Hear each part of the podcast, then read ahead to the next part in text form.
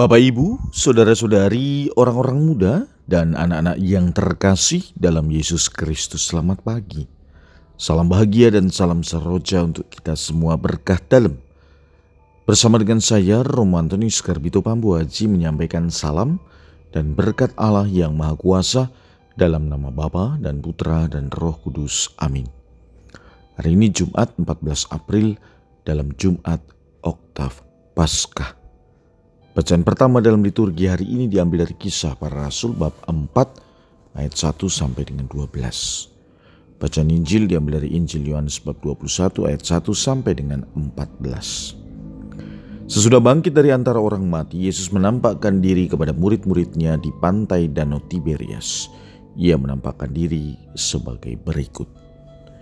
Di pantai itu berkumpul Simon Petrus, Thomas yang disebut Didimus, Nathanael dari Kana yang di Galilea, anak-anak Zebedius dan dua orang muridnya yang lain. Kata Simon Petrus kepada mereka, Aku pergi menangkap ikan. Kata mereka kepadanya, kami pergi juga dengan engkau. Mereka berangkat lalu naik ke perahu, tetapi malam itu mereka tidak menangkap apa-apa.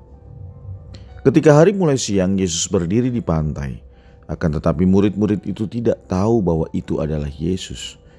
Kata Yesus kepada mereka, "Hai anak-anak, adakah kamu mempunyai lauk pauk?" Jawab mereka, "Tidak ada." Maka kata Yesus kepada mereka, "Tebarkanlah jalamu di sebelah kanan perahu, maka akan kamu peroleh." Lalu mereka menebarkannya dan mereka tidak dapat menariknya lagi karena banyaknya ikan. Maka murid yang dikasih Yesus berkata kepada Petrus, "Itu Tuhan." Ketika Petrus mendengar bahwa itu adalah Tuhan, maka ia mengenakan pakaiannya sebab ia tidak berpakaian. Lalu terjun ke dalam danau. Murid-murid yang lain datang dengan perahu karena mereka tidak jauh dari darat, hanya kira-kira 200 hasta saja, dan mereka menghela jala yang penuh ikan itu. Ketika tiba di darat, mereka melihat api arang dan di atasnya ada ikan serta roti. Kata Yesus, kepada mereka, "Bawalah beberapa ikan yang baru kamu tangkap itu."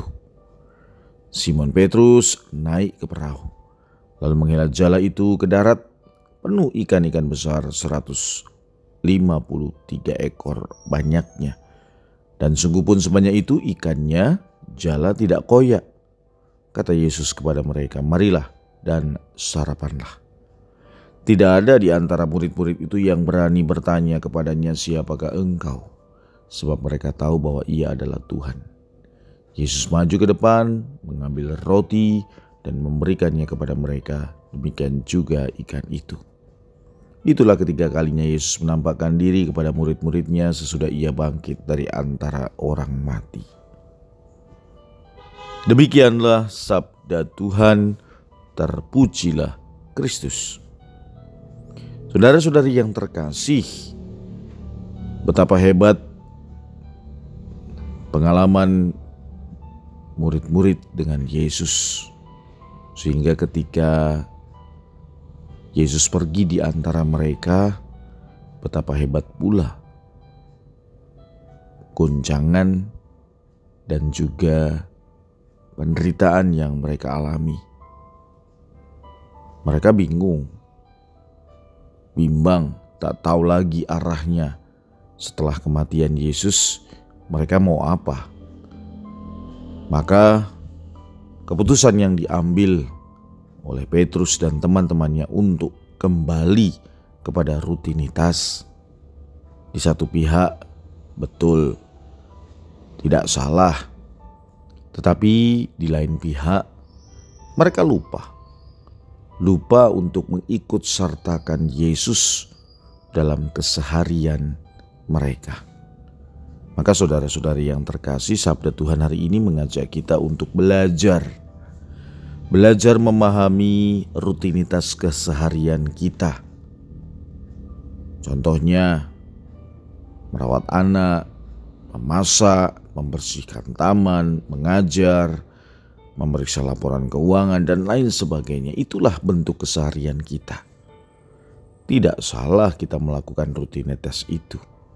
Tetapi pertanyaannya apakah kita mengizinkan Tuhan masuk ke dalam rutinitas itu dan mengajak kita untuk memberi makna pada rutinitas yang kita jalani.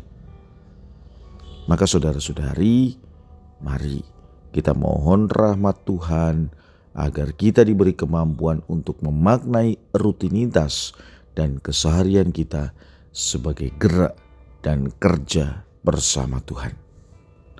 Marilah kita berdoa.